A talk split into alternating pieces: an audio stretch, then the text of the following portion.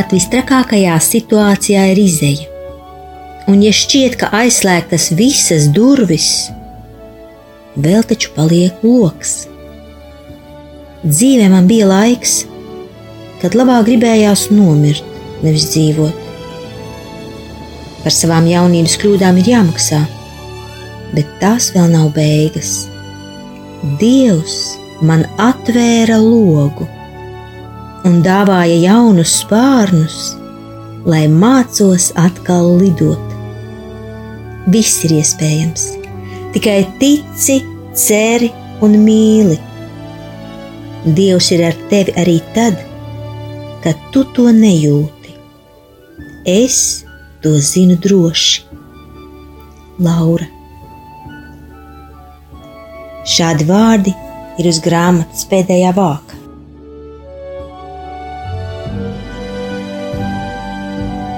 Lasīsim 17. fragment no Lauras Niedras dzīves stāsta, vai baltajiem zirgiem jāpaliek sapnī.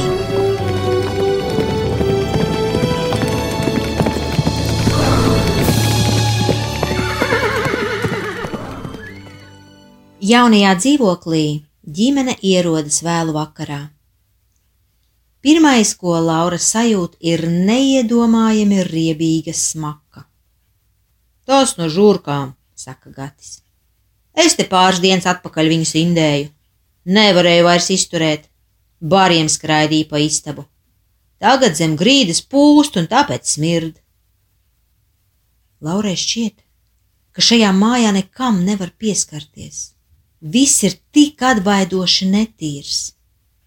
Guļam istaba joprojām piekrāmēta ar mantu maisiem, ko Gatis pārveda pirms trim mēnešiem nekas nav aiztikts.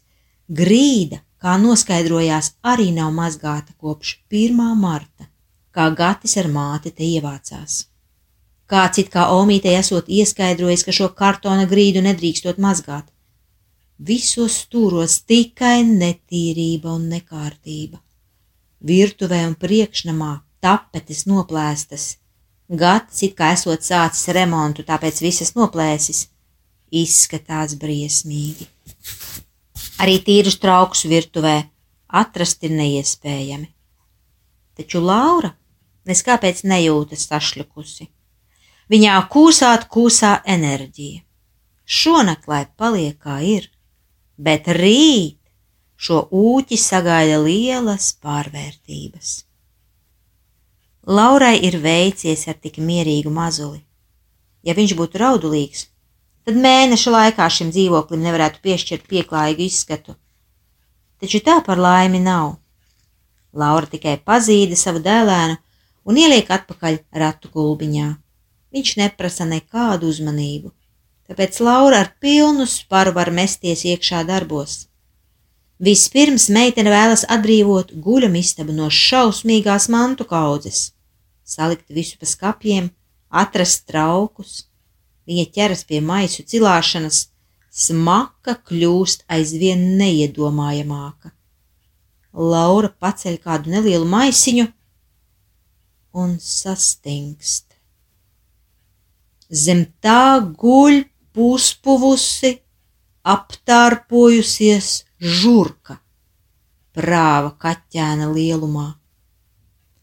Laura saķer muti, lai noturētu iekšā brokastis Kaut ko tik šausmīgu viņa nav redzējusi. Un smaka ir neaprakstāma. Tikai brīnumainā kārtā Laura spēja aizvākt šo smakojošo mošķi līdz miskastei. Viņai bail ķerties pie pārējiem maisiem, jo nevar jau zināt, no kuras stūra atkal izvelsies kāda beigta žurka bet kas tad cits to darīs?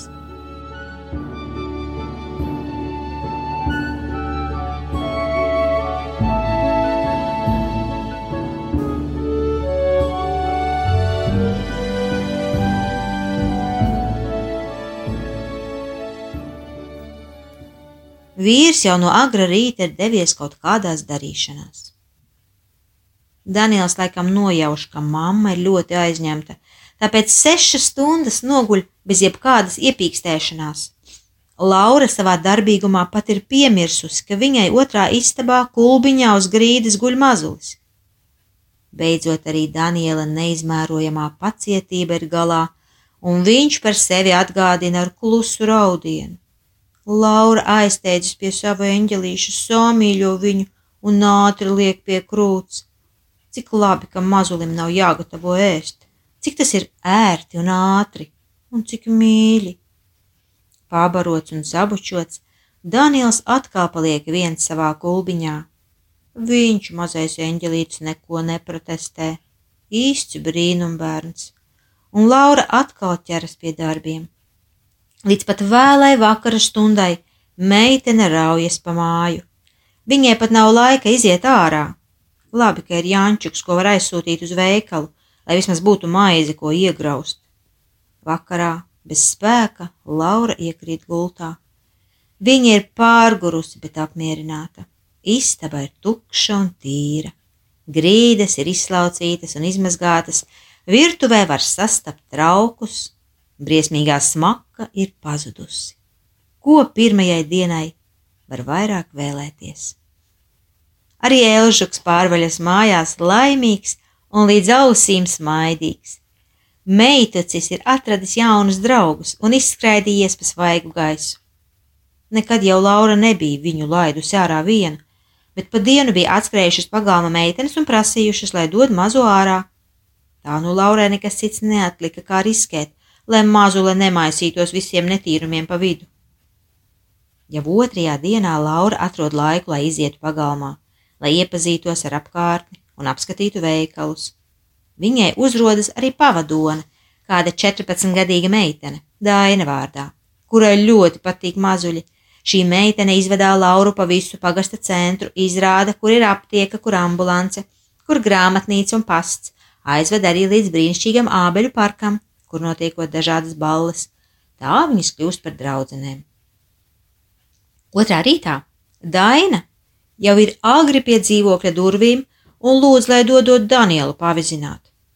Laura gan atsaka, ka viņai pašai patīk staigāt ar ratiņiem, bet, ja tā padomā, bērns būs svaigā gaisā, viņa varēs pastrādāt pa māju, un Laura piekrīt. Sākumā gan viņa nedaudz uztraucas un vairāk kārt skrien ārā skatīties, kā mazulim klājas, taču secina, ka Daina ir lieliska auklīte. Viņa jau esot izauklējusi daudzus šā pagasta bērnus, un Laura vairs nesatraucas. No šīs dienas pie Lauras dzīvokļa katru rītu rosās meitenes, Daina ar savām draudzenēm un viņas jaunākā māsa Zita ar savām draudzenēm. Viņas sacenšas, kura nu dabūs paauklēt brīnišķīgo smaidošo puisēnu, jo Daniels smaida visiem.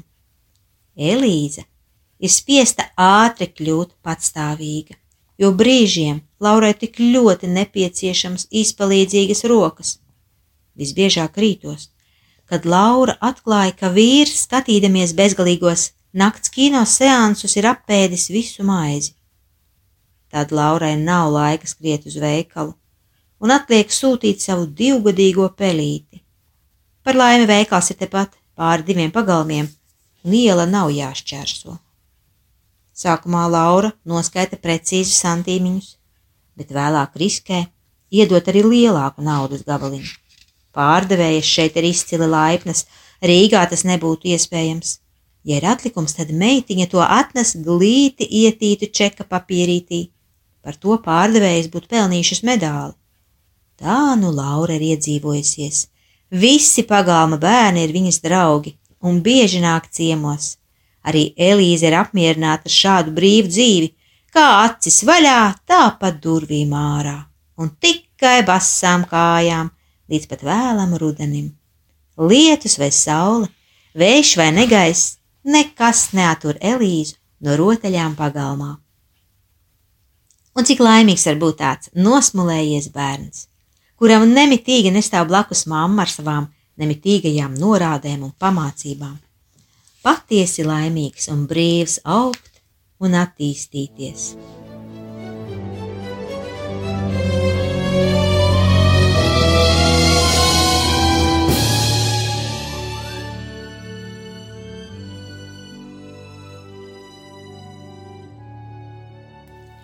Reiz, kad Elīze atnāk mājās, Laura nenotur sajūsminātus smieklus, jo bērnam no dubļiem ārā plakšķinās tikai divas laimīgas acis. Jā, meitiņu jāpārģērb vairākas reizes dienā, it sevišķi dubļainā laikā, un vēļu mazgāt ir tik grūti, jo ūdens ir ledains un veļas mašīnas nav. Taču Laurai pat prātā nenāk kurnēt. Viņa pieņem dzīvi tādu, kāda tā ir. Meitene gan iesakās vīram par veļas mašīnu, jo viņš tik daudz braukā pārzemēm, varētu taču atvest. Tomēr šķiet, ka tas paliks tikai sapnis. Arī par to Laura neskumst. Viņa katru vakaru mazgā veļu un dungo kaut ko zem deguna. Drēbju ir daudz, jo Daniels pampers nelieto tikai naktīs un sestdienās. Autiņi, rāpulīši, krekliņi, Elīzes dubļainās bikses.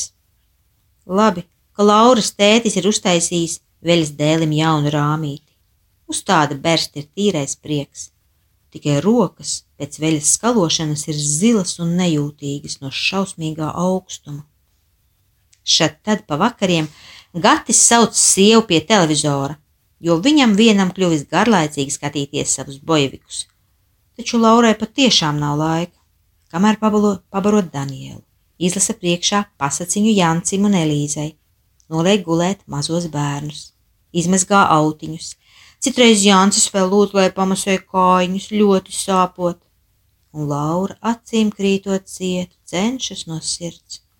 Vīrs sauc no otras istabas, lai tos autiņus izmazgā rīt bet tagad nāk pasēž blakus. Taču Laura spēja apsēsties tikai tad, kad visi darbi apdarīti. Viņa, protams, labprātāk ietu gulēt, nevis vēl sēdētu pie bojevikiem, tomēr arī vīram pienākas sava daļa, un Laura ierušinās viņam blakus. Viņa sēž, kamēr sāk krist acis ciet, un tad taisās iet gulēt, bet gatis nelaiž. Viņš zina Lauras vājību, tāpēc sāk mīļi skrubināties meitenei pa muguru. Tas Lauru paralizē un ieejā, viņai gribas murrāt kā kaķēnam. Dzīve ir ierasti un mierīgi. Gatis braukā pārzemēm, ved jaunas mašīnas, bet naudas kā nav, tā nav. Laura uztur ģimeni no bērnu pabalsta un omītas pensijas. Viņiem visa kā pietiek, Arī draudzes cilvēki šeit tad kaut ko pakluso iedod. Viņi katru sestdienu brauc uz Rīgu uz dievkalpojumu, un tad pie Lauras vecākiem pavada pēcpusdienu. Sestdienas ir kļuvušas divreiz smagākas nekā agrāk, jo tagad dievkalpojumu laikā Laurai jātiek galā ar diviem bērniem. Viņa uztraucas, ka Elīze nevietā ierunāsies vai sāks izrādīt nogurumu kašķējoties jo par katru pīkstienu tēvs sola pērienu.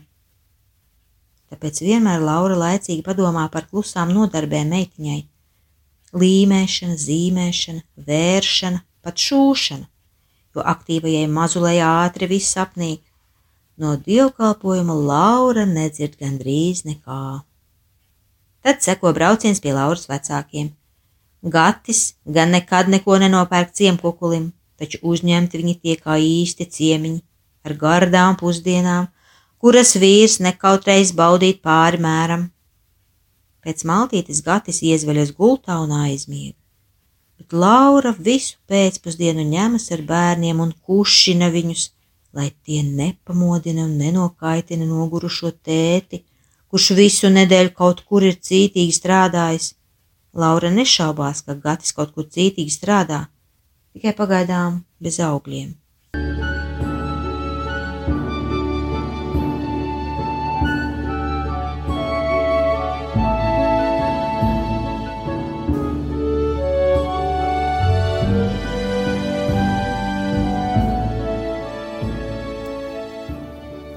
Vienu vakaru pēc ciemošanās viņiem ir padomā braukt uz kaut kādu kristīgu koncertu, kas būs ogres estrādē. Laura labprāt brauktu, Tikai tam ir laicīgi jāsagatavojas, jo ar diviem maziem bērniem nav tik vienkārši sadomāt un braukt. Tāpēc viņa grib zināt skaidri, vai vīrs ir ar mieru braukt uz šo koncertu. Tik līdz Gatis paver aci, Laura viņam jautā par braukšanu. Izrādās, Gatis tiešām ir pārdomājis, jo braukt nevēlas. Laura to pieņem kā faktu un daudz nesūrojas. Vēl pirms aizbraukšanas viņa drošības pēc pārjautā, vai plāni nav mainījušies un vai nevajag sagatavot bērniem kādas siltākas drēbes vakaram, taču Gatis braukt netaisās. Kad nē, tad nē. Pusceļā uz mājām ticis, Gatis pēkšņi aptur mašīnu un jautā: Varbūt tomēr brauksim uz koncertu? Nē, man nekas nav sagatavots, ne drēbītes, ne ēšana. Braucam vien mājās. Gata reakcija ir negaidīta. Laura pat nobīstas.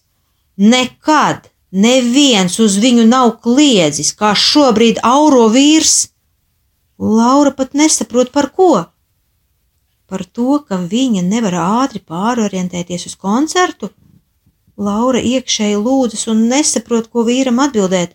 Vīrs ir tādā stāvoklī, ka šķiet, būtu spējīgs izsist meitenei zobus ar vienu sava milzīgā kulaka triecienu.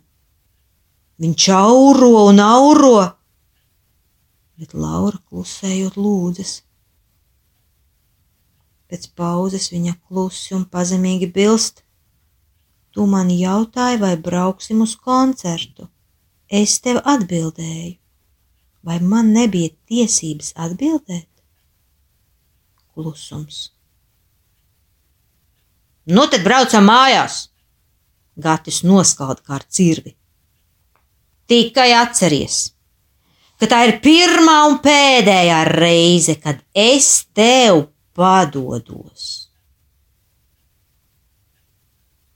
Līdz pat mājām Laura nebilst ne vārda arī bērni ir nobijušies. Taču drīz vien viņi iemiega. Pie mājas piebraucis, vīrs kā vienmēr pirmais ieiet dzīvoklī un atstāja aizmigušos Lauras ziņā. Viņš saslēdz visur lielās gaismas un ierūcina televizoru. Pa to laiku Laura stiepi savus aizmigušos kunkulīšus, cik vien uzmanīgi varēdama, lai tie nepamostos jo meitene jūtas tik nogurusi, ka vēlas tikai mieru. Viņu istabā deg gaisma, un skaļi rosās gatis, tāpēc Laura mazos kā vienmēr ienes Jāņa istabā. Kad vīrs aizies pie televizora, viņa bērniņus varēs ielikt savās gultiņās. Jauns rīts atnes jaunus notikumus. Piezvana Dagmāra no draudzes un piedāvā atvest kādu vecu veļas mašīnu Rīga, kā arī savu veco centrifūgu. Laura ir bez gala priecīga par šīm caurajām dāvanām, jo tās ievērojami atvieglos smago ikdienu. Vēles mašīnai tiešām kaut kur papakšu pie ūdens, un grīda ik pa brītiņiem ir jāuzslauka, taču tas ir nieks. Arī centrifūgas korpusā ir neskaitāmi sīki caurumiņi, un ūdens šļakstās pa visu istabu. Bet Laura paņem izolācijas lenti un vairāk kārtīgi notina centrifūgu, un viss ir kārtībā. No šī brīža Laura neskaitāmās veļas skalošanā iesaista arī Omīti, jo viņas stingrās sastrādātās rokas labāk iztur ledaino ūdeni. Omītei ir trīs darbi, kurus viņa spēja veikt kartupeļu mizošana, trauku mazgāšana un veļas skalošana. Vairāk neko omītei uzticēt nevar, jo viņas dīvainības kopš sava dzīvokļa zaudēšanas aug augumā. Nabaga vecais cilvēciņš bieži raud un vaimanā, un no viņas teiktā pilnīgi neko nevar saprast. Laura šatad piesēžas viņai blakus, apņem ap pleciem un ļauj izrunāties taču tas no meitenes prasa ļoti lielu nervu slodzi. Omīte cenšas runāt, bet vārdi ķeras, nenāk ārā, un ja nāk, tad pavisam nesakarīgi. Tas viss no pārdzīvojumiem un no dēla skarbās izturēšanās. Laurai Omītes tik ļoti žēl. Gatis māti nežēlo. Pat sabata rītos kad viņa nevar laicīgi sataisīties uz baznīcu. Gatis uz viņu nežēlīgi kliedz un grūž. Laura nekad nav redzējusi, ka viņš būtu omīti apskāvis, nobučojis vai pateicis kādu mīļu vārdu. Reiz omītei kāds baznīcā bija iedevis desmit latus, bet māju ceļā atgadījās ķibele ar mašīnu. Steidzam vajadzēja naudu, un omīte savā bērnišķīgajā, labsirdīgajā izpalīdzībā izvilka desmitnieku. Labāk viņa to nebūtu darījusi jo gatis tā sāka aurot, ka likās tūlīt, tūlīt viņš omīti nositīs par to, ka viņa paņēmusi naudu. Laura un bērni bija pārbijušies, bet gatis bija sarkans aiz dusmām. Tu to naudu atdosi! Tūlīt pat tu to naudu atdosi, saprati! viņš kliedza. Kad gatis ierodas mājās, Omīte parasti ieraujas kaktiņā un klusē, vai iet ārā staigāt. Arī Jančuks ar tēti kontaktējas nelabprāt, jo baidās no viņa pēkšņajām dusmām. Kad puisēns ļoti vēlas redzēt kādu filmu, viņš iet pie Lauras un lūdz, lai viņa paprasta tētim, vai drīkst pārslēgt kanālu. Kad Laura saka, lai Jānis mēģina pats, viņš bezcerīgi novelk. Tētis jau neļaus, viņš tūlīt sāks kliegt. Laura saprot puisēnu. Tā varētu būt patiesība. Reiz, kad Gatis bija aizbraucis savās darīšanās, Laura pēcpusdienā bija apsēdusies paskatīties kādu ģimenes komēdiju. Un tad mājās pārdās vīrs. Kur mana buča? Viņš kā ierasts noprasīja, un saņēmis no Lauras prasīto, tūlīt bez kādām ceremonijām pārslēdza kanālu. Laura brīdi paklusēja un tad uzdrošinājās bilst, ka viņa šo filmu skatījās. Tas gati ārkārtīgi saniknoja. Tu visu dienu sēdi mājās, vari no rīta līdz vakaram skatīties televizoru, bet es esmu atnācis no darba Noguris! Kopš tā brīža Laura pat programmā vairs neskatās. Un kļūst aizvien klusāka un noslēgtāka. Vakarus viņa pavada ar bērniem, istabā vai pagalmā. Vīrs dažreiz Laurai mīļi pārmet, kāpēc viņa nekad nedalās savās domās ar viņu, bet, kad aizbrauc pie dārtas, tad nespēja vien beigt pļāpāt. Vairākas reizes gan Laura bija mēģinājusi dalīties ar vīru savās jūtās, taču viņš nespēja pat nogaidīt domas beigas, kad jau iespraucās ar savu nevisai īso monologu. Laura jutās neuzklausīta un apklusa. Tā viņa klusē aizvien. Un ar katru dienu vairāk un vairāk jūtas kā suņuks kur Gatis pasauc un samīļo, kad viņam ir garstāvoklis un vēlēšanās, bet uz kuru var arī sakliekt, ja ir tāds noskaņojums. Laurai aizvien biežāk gribas pavadīt laiku ar bērniem ārpus mājas. Vakaros viņa jūtas tik nogurusi, ka meitenei trīc rokas. Tik ļoti trīc rokas, ka nespēja pat maizi trāpīt maizes kastē. Laura sāk satraukties par savu veselību, jo nesaprot, ko tas nozīmē. Viņa sarunā ar Gati, ka brauks ar bērniem uz Rīgu, pie vecākiem un ies pie ārsta. Tas bija 17. fragments no Lauras Niedras dzīves stāsta, vai baltajiem zirgiem jāpaliek sapnī.